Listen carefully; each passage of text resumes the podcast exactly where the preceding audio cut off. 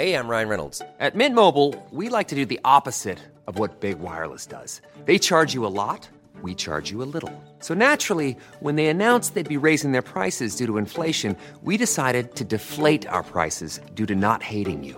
That's right. We're cutting the price of Mint Unlimited from $30 a month to just $15 a month. Give it a try at mintmobile.com slash switch. $45 upfront for three months plus taxes and fees. Promote for new customers for limited time. Unlimited more than 40 gigabytes per month. Slows. Full terms at mintmobile.com. Want flexibility? Take yoga. Want flexibility with your health insurance? Check out United Healthcare Insurance Plans. Underwritten by Golden Rule Insurance Company, they offer flexible, budget friendly medical, dental, and vision coverage that may be right for you. More at uh1.com.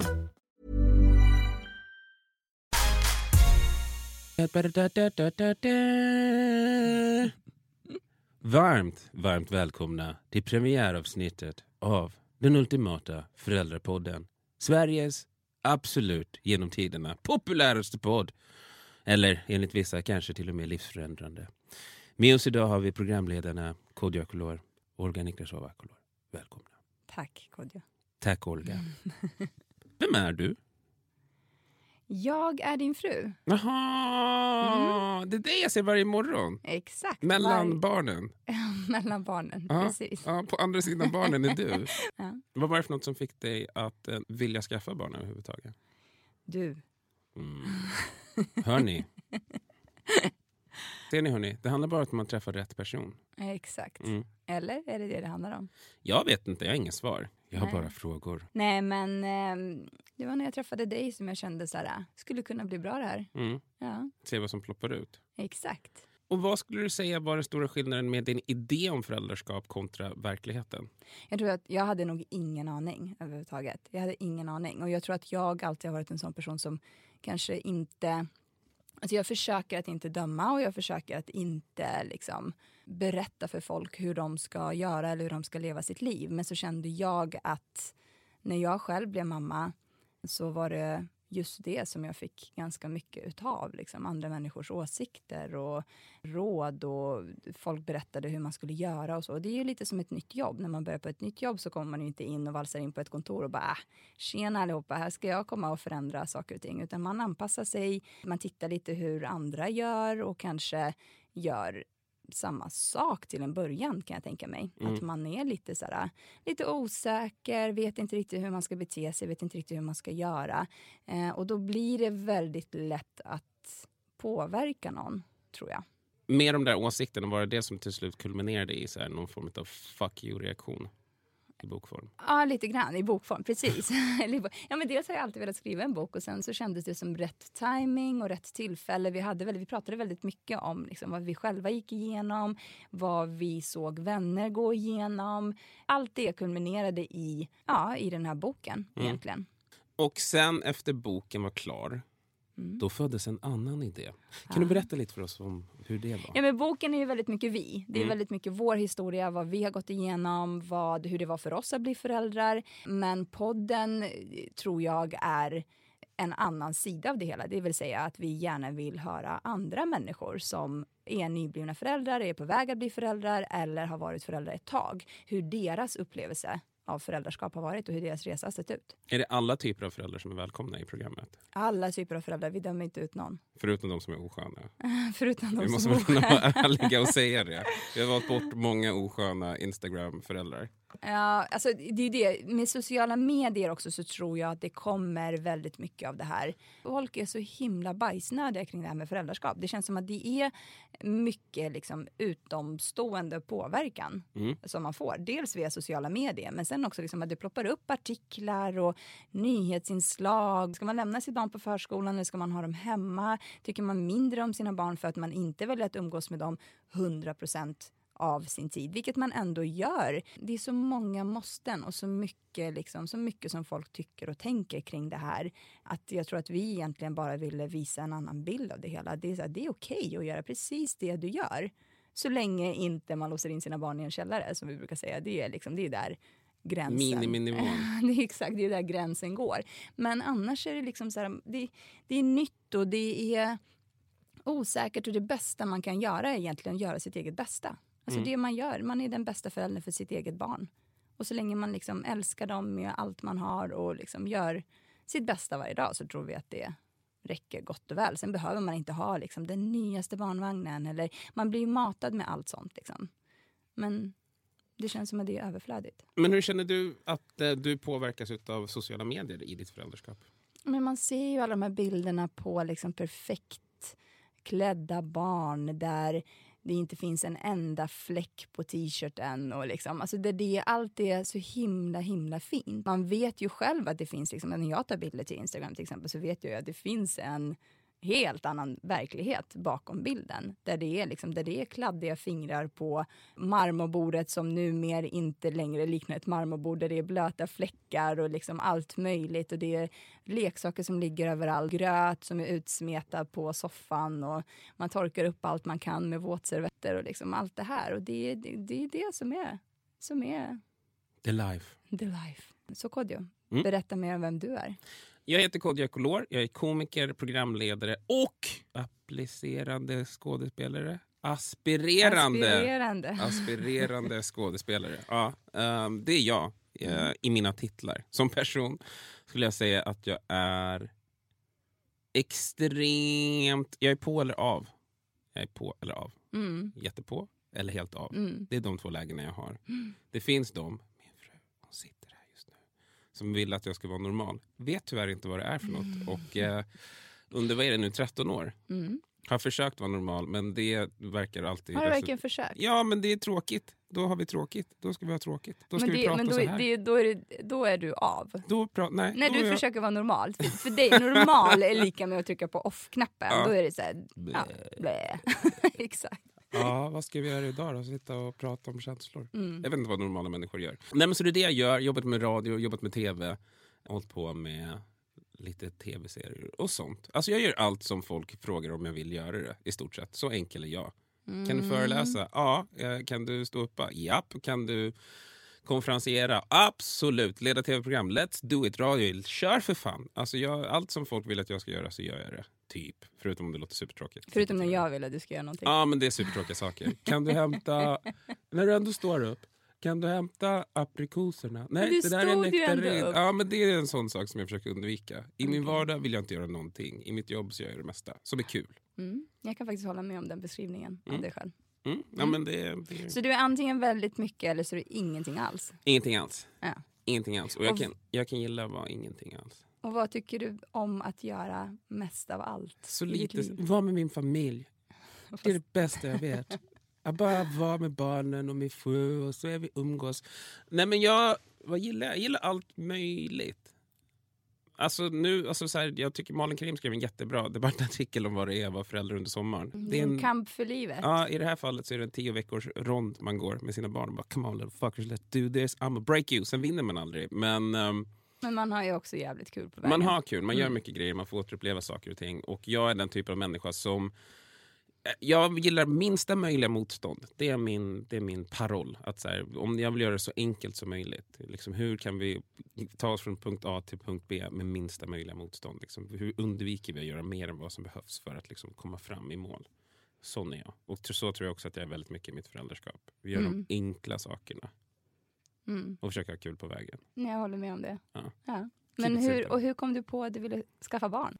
Alltså jag vågar nog påstå att jag alltid varit ganska cool med hela barngrejen. Min brorsa har ju fyra barn, fyra grabbar.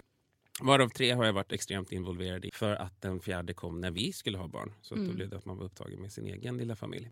Jag tyckte att det var extremt kul att vara, eller jag tycker att det är extremt kul att vara farbror. Jag har alltid tyckt det. Jag tyckte att det är jättekul att liksom ha ett föräldraansvar utan ett föräldraansvar. Att liksom man kan bara göra alla de sköna grejerna. Som att låta dem kolla på filmer som de är alldeles för små för att se. Eller äta sjukt mycket godis. Eller vara uppe tills de stupar. Alltså allt som så här, jag ändå tycker är en, och så som jag växte upp med så här, extended family. Att de kommer alltid in och är så här, du vet, kaoset, det tillåtna kaoset i ens liv. Där det är så här, men här finns det regler. Men de är väldigt så här, vet, Mm. måla inte på väggen bro. Men du kan få käka så mycket godis du vill så länge du inte målar på väggen. Eller bajsa inte på golvet. Eller spring inte runt och så här, bankar i Precis, för det är inte man själv som tar hand om Nej, man, nej min, mitt jobb är inte att uppfostra och göra en så fullt duglig människa. Utan mitt jobb är, tycker jag, tyckte jag som farbror, att så här, men jag ska liksom bara försöka göra det så skönt som möjligt. Att så här, typ när dina föräldrar är på dig så vill jag komma in och vara den där sköna rösten som är så här, ah, visst, ja, det är skitviktigt med skolan.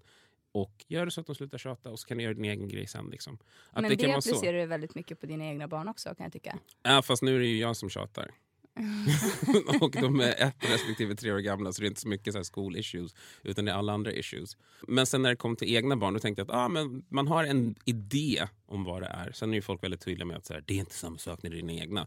Och det köper jag. Så är det, så är det faktiskt. Man kan liksom inte vara lika skön i alla lägen för att nu handlar det faktiskt om att jag är den som uppfostrar. Jag är faktiskt den som nu ska göra liksom en fullt relativt duglig människa som kan bidra till samhället på något sätt. Vad det än är, så länge som de är lyckliga och skapar världsfred så är det lugnt med mig. Så jag kände mig rätt cool med det. Jag tror nog att också under hela så graviditeten så var det mest att jag såg min roll som att vara den som bara, så här, allt är normalt. Det var min så här, utgångspunkt. Allt är normalt. Det när det blir så här, sig. ja det löser sig, it's fine. När så här, det börjar komma mjölk från brösten. Som förut bara var så här, två sköna grejer att ha att göra med. Så helt plötsligt har de blivit någonting som någon annan ska använda. Ens partner går igenom jätte- jättemycket. Alltså kroppsförändringar och mentalt är det påfrestande och mycket som händer. Och bara stå vid sidan om och bara säga it's cool man, it's norm totally normal. Ah, jag har foglossning, totally normal bro. Vet inte ens vad det är, måste googla i efterhand.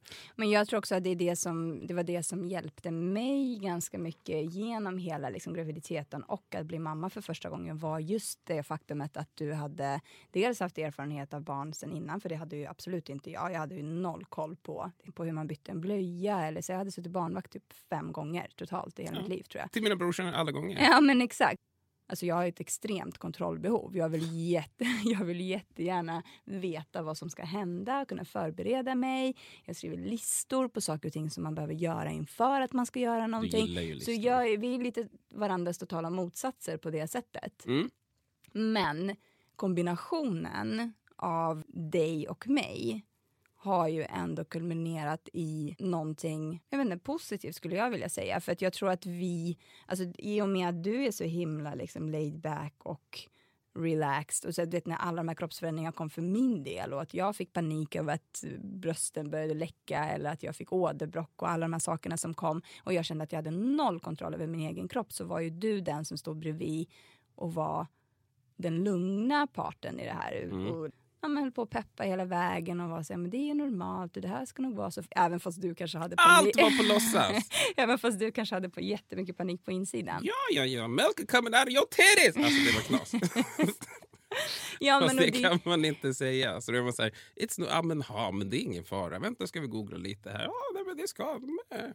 För jag tror att jag lätt hade kunnat hamna i det här facket där jag liksom satt och googlade på precis allt och kom in på de här föräldraforumen på internet där folk är jätte, jätteneurotiska och har ännu mer kontrollbehov än vad jag själv har. Och där liksom minsta lilla grej blir Alltså kan innebära döden för ditt barn. Alltså det, det, jag skulle lätt kunna liksom falla för grupptrycket tror jag. Just för att jag kanske hade noll koll eller för att jag liksom inte riktigt visste hur jag skulle göra. Och så. Men sen var du där som var så här, ah, men det här är lugnt och det här är lugnt och det här är nog, det löser sig. Det löser sig. Så jag tror att mycket av den attityden har ju smittat av sig på mig genom åren. Mm, vi försöker undvika att vara de som inte ringer till 1177 för mycket eller drar till akuten för mycket. Man vill inte vara känd på akuten. Alltså om det inte är någonting som är någonting. Exakt. Och Förstår hur du om vet man så- om det är någonting? Jag har ingen aning. Det är när man verkligen när de håller på och kaskadspyr och bajsar på sig samtidigt och rinner blod från näsan. Åk in. Åk in. Om de har lite feber och så lite gnälliga, ring och kolla. Be cool man. Det kanske är relativt lugnt. Och googla inte några såna här sajter för det leder alltid till det värsta möjliga scenariot. Men hur kom du på att du ville skriva en bok? Men jag tror det föddes någonstans där under andra graviditeten mot slutet. Eller så som jag minns det så var att vi båda lite skämtsamt var så haha vi är grymma, we got this shit. Och det kanske var så här, två veckor in i barn nummer två ploppat ut. Man bara, "Ja, men det här funkar. Vi hade så här, tio svettiga dagar där det var lite panik av att så här, en ny person man är och så här, hur ska man ta hand om två personer. Nej men och sen under den perioden så tänkte vi att så men fan, det skulle vara kul att bara göra någon form av motreaktion på liksom, så all bajsnödighet. Och där tror jag också att det är tyvärr så att det är en jätte jättestor skillnad mellan hur det är att vara pappa kontra hur det är att vara mamma. Jag har inte upplevt några så här pappatroll som varit på mig med hur jag gör saker och ting eller så här, hanterar mina barn. Liksom. Ehm, om vi äter ekologiskt eller om de läggs vid en viss tid eller om de har blöjor eller inte eller när de börjar krypa eller sådana grejer. Utan att min upplevelse i liksom faderskapet har varit ganska chill men jag har blivit irriterad över liksom när du har sett saker eller liksom Mm. uppmärksammat saker. Kan man kalla det ja, men mammatrollen som finns där ute som Mm. liksom så här gömmer sig bakom olika kommentarer och åsikter och liksom måste så här basunera ut dem och få likes eller inte likes och skapa diskussioner kring vad fan folk gör med liksom dagis eller dess vara eller inte vara. Så Mm. att för mig var boken ett litet fuck you. Ett litet så fuck you till alla bajsnödiga människor som eh, gör en sån stor sak utav det. Som gör det till så här shit nu är det här det största som kan hända i ditt liv. Barn är jättestort och det är skithäftigt och det är kul. Men fan, inte för att vara sån, men det känns lite trist att det skulle vara det absolut största. Och att man själv har ju funnits i x antal år på jorden innan man fick barn. Och den personen som man har varit, ja, man kanske förändras men man behöver inte göra en livsvändning bara för att man, alltså man behöver inte förändra hela sin personlighet och den man är bara för att man har fått ett barn. Mm. Det känns som att vissa gör liksom en hel, Helomvändning. ja, Nu är jag föräldern. jag kände väldigt mycket att jag tappade fotfästet och blev lite så, okej, vem är jag nu? För det är en ny roll att gå, komma in i och att liksom förhålla sig till. Och hur är man mamma till någon? Och det, för mig var det väldigt mycket så här, dels att liksom smälta att jag hade blivit någons mamma för första gången. När han väl sa mamma så var det så, oh shit, det är mig han menar. Eh, till att vara tvåbarnsmamma helt plötsligt. Och det liksom hände så himla snabbt och så himla tajt att jag liksom, och det är fortfarande fram till den här dagen som jag känner att jag har inte hundra på det här eh, eller vet vad jag gör varje dag och jag vet liksom inte eh, en massa saker. Men samtidigt så, så är det väldigt pressat att vara förälder idag tror jag. Ja, också. Ja, men att det ska, vara, det ska vara en perfekt bild på Instagram eller Facebook. Men det eller- ska vara på ett visst sätt. Ja, medan vi försöker någonstans o- tro starkt på att så här, gör din grej. Mm, det Vad finns olika sätt och alla sätt är liksom Ja, fine. lika mycket som alla graviditeter individuella och förlossningar så är också föräldraskapet din grej. Det kommer vara exakt det det är för dig och inte som det är för någon annan. Och vad vill du eh, förmedla med den här podden, KD? Podden tänker jag är vår möjlighet att liksom kunna bredda. Vi har varit extremt noggranna med vilka vi har valt ut. Måste jag Det är en säga. selektiv process. Det har varit en extremt selektiv process bara för att det, jag tror att det finns tillräckligt många poddar där ute som låter lite grann så här. Och, ja, berätta nu, hur är det när man ammar? Där liksom ni kan få all fakta och de tråkiga grejerna kring det. Jag kände någonstans, eller för mig då var det roligt att göra någonting som skulle vara annorlunda. Återigen, precis som boken är annorlunda och ett annorlunda take på hela grejen så känner jag och vi då att ehm, podden skulle vara en annan grej där man kan prata med andra människor om så här, hur är det? Vad är verkligheten bakom det och hur upplever du det? Och jag hoppas verkligen att så här, det man får en känsla av i slutändan är att alla är olika. Alla har sina egna upplevelser, alla har sina liksom värsta och bästa historier som är helt skiljer sig från någon annans historia. Vissa har, har haft det jävligt tufft i början, vissa hade det jävligt lätt i början. Liksom, och att det är i slutändan en unik upplevelse som du själv äger. Ingen annan äger den. Ingen annan kan säga hur det kommer vara förrän det är det det är. Liksom. Mm. Precis, det är väldigt individuellt. Och det, Mm. Jag tror att det är det som, i alla fall de gäster som vi har pratat med också visar på att liksom, Det är annorlunda. Och det kommer vara det. And it's mm. fine i slutändan. Så länge som barnen lever och frodas och inte blir seriemördare, good job! Millions of people have lost weight with personalized plans from Noom, like Evan, who can't stand salads and still lost 50 pounds. Salads, generally, for most people, are the easy button, right? For me, that wasn't an option. I never really was a salad guy. That's just not who I am. But Noom worked for me. Get your personalized plan today at Noom.com. Real Noom user compensated to provide their story. In four weeks, the typical Noom user can expect to lose one to two pounds per week. Individual results may vary. Hey, I'm Ryan Reynolds. At Mint Mobile, we like to do the opposite of what Big Wireless does. They charge you a lot, we charge you a little. So naturally, when they announced they'd be raising their prices due to inflation, we decided to deflate our prices due to not hating you. That's right. We're cutting the price of Mint Unlimited from $30 a month to just $15 a month. Give it a try at mintmobile.com slash switch. $45 upfront for three months plus taxes and fees. Promo rate for new customers for limited time. Unlimited more than 40 gigabytes per month. Slows. Full terms at mintmobile.com.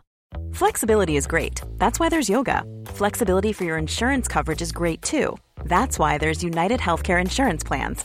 Underwritten by Golden Rule Insurance Company, United Healthcare Insurance Plans offer flexible, budget friendly coverage for medical, vision, dental, and more.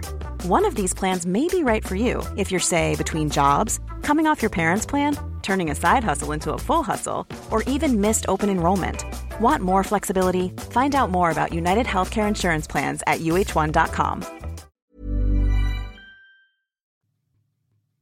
Du är fortfarande du, väldigt mycket du i din papparoll. Och du har ju inte liksom förändrats, från mitt perspektiv så har du inte förändrats sen du blev pappa. Men jag tror också att du har funnit din balans i livet skulle jag vilja säga. Du är trygg i den du är och du är trygg i det livet du har idag. Så du är en väldigt engagerad pappa, du älskar dina barn över allt annat. Du leker väldigt mycket. Det är ju också den personen som du är. Att du, har, du gör roliga röster, du liksom går in i karaktärer, ni har Star Wars fights och liksom flygplan som kraschar och brandbilar som kommer och du gör ju allt det där och du tycker att det är kul. Jag tror Mm. att du gör det för att du tycker att det är kul. Du tycker att det är kul att leka. Mm. Jag tror att barnen känner av det väldigt mycket. De, vi skrattar väldigt mycket.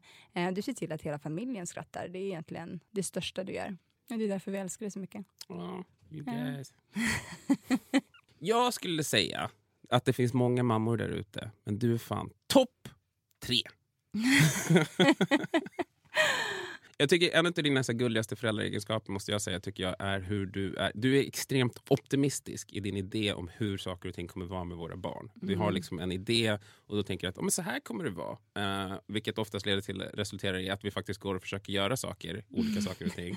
Eh, och där kommer jag och barnen in och oftast liksom tar din plan och river den till tusen bitar. Eh, men att du kan ta det. Och det, jag tror nog att det som jag tycker är en av dina bästa egenskaper som mamma är liksom... Om jag är en av eller på människa, du är nog lite jämnare på det sättet men du kan också så här, du vet, bli superkonstig och göra super weird shit och stå och dansa konstigt med barnen och hoppa omkring och skratta och leka och spexa eh, och ha dina egna, inte lika bra, men ändå röster. Um, och framförallt så tror jag nog att om jag skulle säga någonting som är någon form av negativ grej så är det att du allt för ofta ger dig, för, ger dig själv för lite cred i din roll som mamma.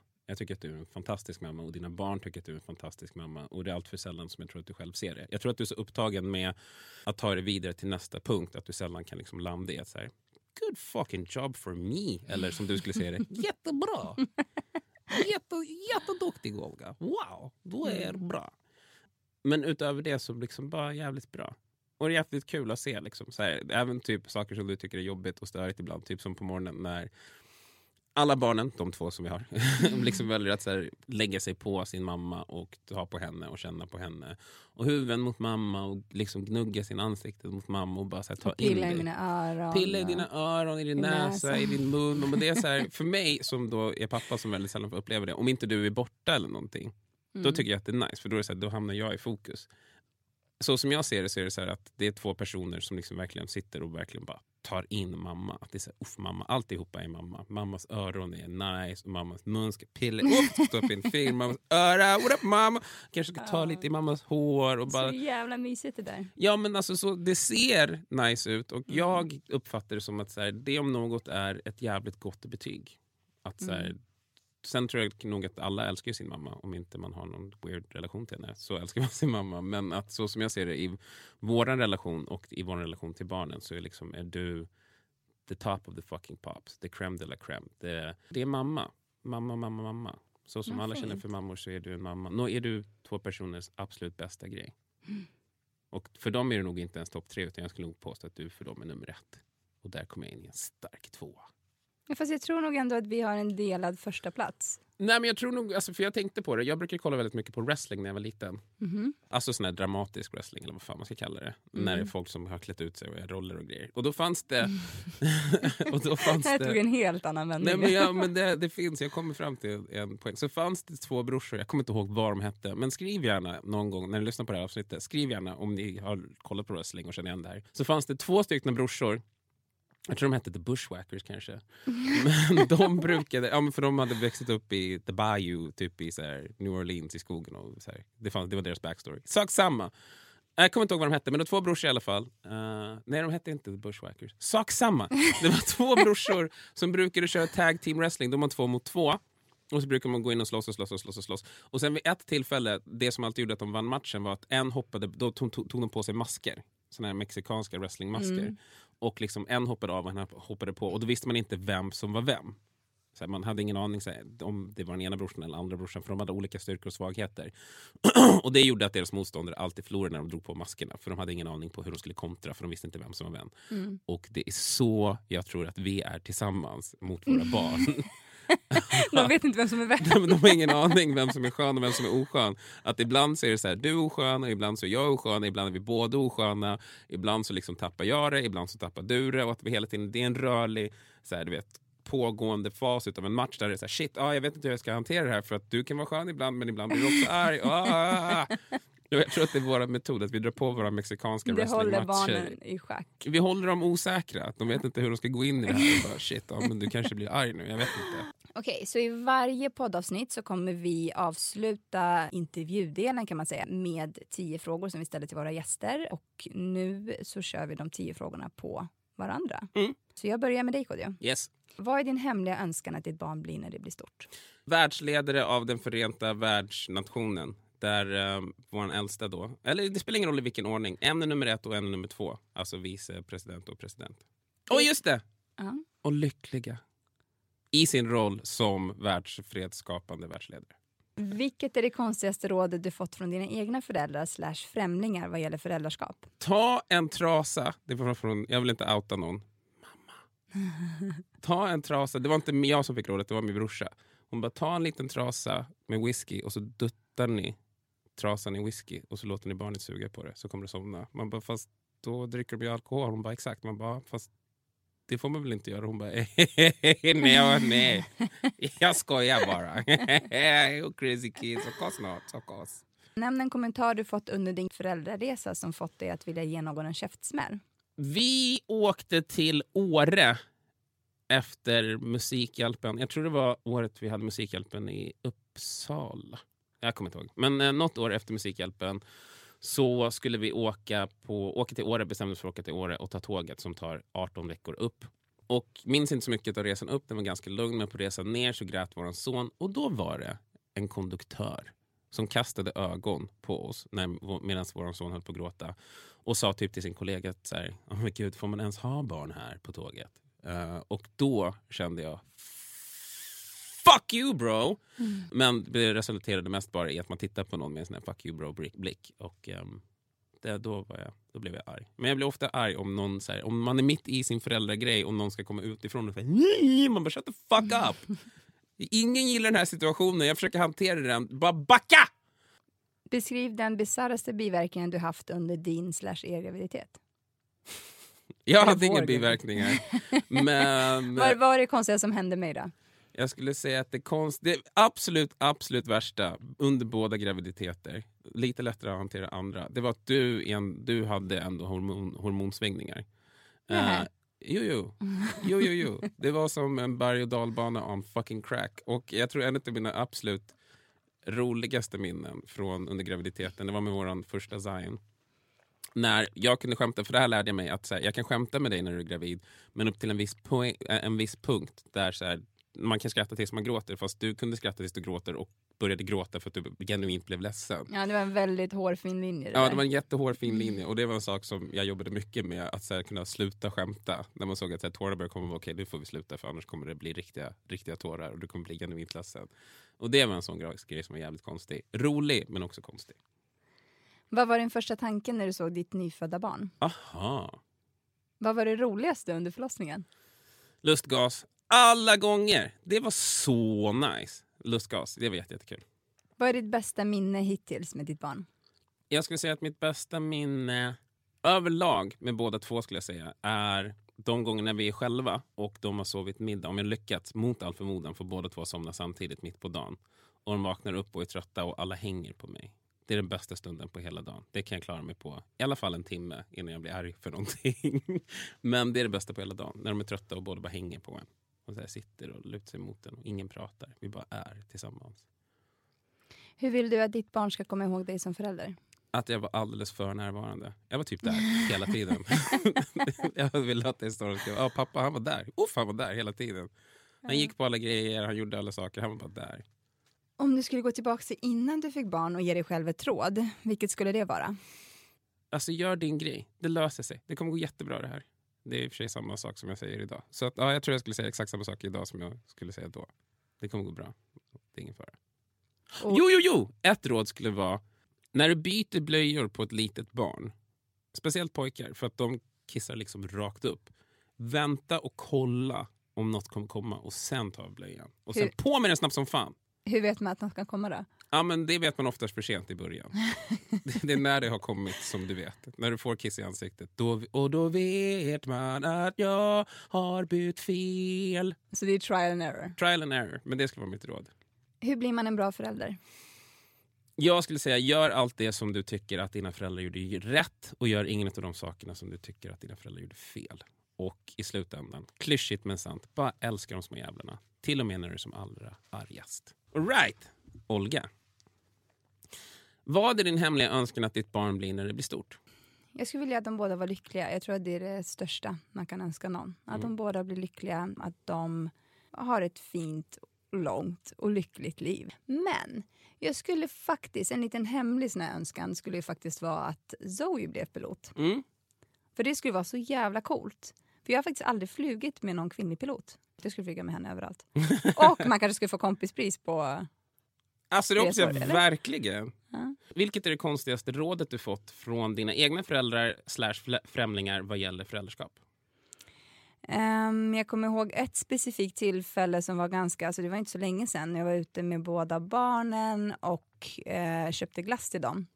Och då var det faktiskt en knarkare som gick förbi mig på gatan. Som, alltså, hur vet jag att han var en knarkare? Jo, men han såg väldigt knarkig ut. Bara punkt, punkt slut. En en person, knarkare. en, knar, en person Ja. som skulle identifiera sig som Ja, han, var, knarkare. han var väldigt märklig, väldigt ja, hög på någonting Mm. i alla fall. Och det var inte livet. Nej. Han stannade till när båda ungarna åt glass. Vände sig om och sa, och du vet väl att det där är socker va? Och då kände jag så här, men snälla du. Nämn en kommentar du har fått under din graviditet slash föräldraresa som fått dig att vilja ge någon en smäll på käften. Alltså alla gånger som någon ropade tjena tjockis efter mig på, i korridoren på jobbet. Um, alla gånger som någon bara helt liksom från ingenstans kom och kände på min mage som att det var liksom en allmän rättighet att göra det när jag var gravid. Alla gånger som någon kommenterade hur jag såg ut. Att liksom, det var någon som sa en gång att jag såg ut som en pannkaka i ansiktet. Det tyckte jag inte var så jävla nice. Det där ville jag ge någon en käftsmäll. Det var väldigt många som kommenterade faktiskt. Alltså allt från så här, gud vad stor du är eller shit så här, den där man, gud vad liten du. Alltså det kunde vara liksom allt möjligt. Men att folk bara tyckte det var fritt fram att Att objektifiera. Ja men exakt, att det, liksom, att det var som att jag inte längre, förutom det faktum att jag tappade kontrollen över min egen kropp för att den förändrades så himla mycket så tyckte ju andra människor också att de hade någon liksom rätt till att tycka till om hur jag såg ut och säga saker. Liksom. Alla de gångerna ville jag ge någon en käftsmäll. Beskriv den bisarraste biverkningen du haft under din graviditet. Oh, det var många. Alltså jag, hade ju liksom, alltså jag tror att jag inte har, alltså jag har inte lyssnat på så mycket så här gravidpoddar eller läst böcker eller vet, haft någon koll på hur en graviditet kan vara förutom liksom de samtal som jag hade med min barnmorska. Men jag tror att allt kom ju lite som en chock. Dels att liksom, okay, magen växte, ja, men det var givet för jag hade ju sett gravida kvinnor förut och tänkt så här, men så där kommer jag se ut. Men allt det andra som liksom åderbråck, svullet underliv, vem hade vetat det? Liksom, att jag fick de här, alltså det var jättemycket konstiga saker som hände. Mm. Och det var nog liksom, det, men alltså, allt var märkligt. Vad var din första tanke när du såg ditt nyfödda barn? När jag såg Zion första gången, jag tror att jag hade ju hört att folk pratade om det här som att liksom man ser sitt barn och då vet man vad kärleken är. Då, det är kärlek vid första ögonkastet och man känner en direkt samhörighet för att man har burit på den lilla människan i sin egen kropp under nio månader. Men jag tror inte att jag kände något av det utan jag tror att jag tänkte, jag kommer ihåg att när de la honom, de la ju honom på min mage. Och de sa ju inte nu har ni fått en pojke eller här kommer en liten flicka. Och vi, hade ju inte tagit reda på könet så vi visste ju inte vad det skulle vara. Så jag tror att det första som jag tittade efter var ifall jag tittade ner mellan benen och då såg jag att han hade en snopp. Vi trodde ju hela tiden att vi skulle få en tjej. Men det var nog det att jag kollade efter könet det första jag gjorde. Men sen också att när de la honom på min mage för att navelsträngen var för kort. Att jag kände så här, fan, alltså fan vad stor han är. Det var en jävligt stor bebis och jag Mm. tror liksom min bild av hur bebisar skulle vara var att de skulle vara pyttesmå. Och så. Han var, det var liksom en klump som de la ner på min mage. Han hade ett stort huvud, allt var stort. Det var bara en stor bebis. Vad var det roligaste under förlossningen? Eh, Jag skulle kunna säga lustgasen, men det var ju fram tills lustgasen inte längre var rolig. Mhm. Alltså det, den hjälpte ju inte. Efter ett tag så var det så, det var så mycket lustgas att det liksom inte gav någon effekt längre. Så jag fick ju liksom all bedövning eh, som gick att få istället. Men jag tror att det roligaste, om det var något som jag kan säga var roligt, var väl att du var där. Vad är ditt bästa minne hittills med ditt barn? Ah, det är nog ganska, det är många. Det är många. Jag tror att även liksom, om du bara har gått tre år så tror inte jag att jag kan välja ett minne. Men allt som alltså dels påminner mig om min egen barndom eller som inte påminner mig om min egen barndom. Allt nytt som jag får uppleva. Hur vill du att ditt barn ska komma ihåg dig som förälder? Eh, kärleksfull. Om du skulle gå tillbaks till innan du fick barn och ge dig själv ett råd, vilket skulle det vara? Det finns inga råd. Bara upplev det och ta en dag i taget. Hur blir man en bra förälder? Att finnas där. Att älska sina barn. Ja, men då var det slutet på resan för den här gången. Eh, nästa vecka kommer ett nytt avsnitt ut och eh, ni får hålla till godo tills dess eller bara lyssna om det här avsnittet om och om igen. Och vi kommer självklart börja med varför vill man skaffa barn? Och det är nästa avsnitt. Så skulle man kunna säga att du är en kille som är socialt begåvad, obegåvad, jätteglad och jättearg. Ja. och det, ja, det var, det så enkelt hade jag kunnat säga det. är helt sjukt att folk skaffar barn kan man tycka då. Alltså jag, jag, jag, jag har bara inte gett barn någon chans. Lyssna på, mig, lyssna på mig båda två nu. Ni har redan kukat ur, ni har fuckat upp redan. Jag, jag, tycker, jag vill inte att någon rör mina bröstvårtor. Skaffa barn har man gjort i alla tider, bara att göra. Ja, det, jag tycker att den grejen är skitkonstig. Det, jag tycker det är Vilken tur att vi inte sa det precis i början när vi skulle börja spela in det avsnittet. Och att podden heter Skaffa barn, det är bara något man gör. Vi hörs och ses då. Vi ses ju inte, men vi hörs då. Och eh, ta hand om er där ute. Spin your passion into a business with Shopify and break sales records with the world's best converting checkout. Let's hear that one more time. The world's best converting checkout. Shopify's legendary checkout makes it easier for customers to shop on your website, across social media, and everywhere in between. Now that's music to your ears. Any way you spin it, you can be a smash hit with Shopify. Start your dollar a month trial today at shopify.com slash records.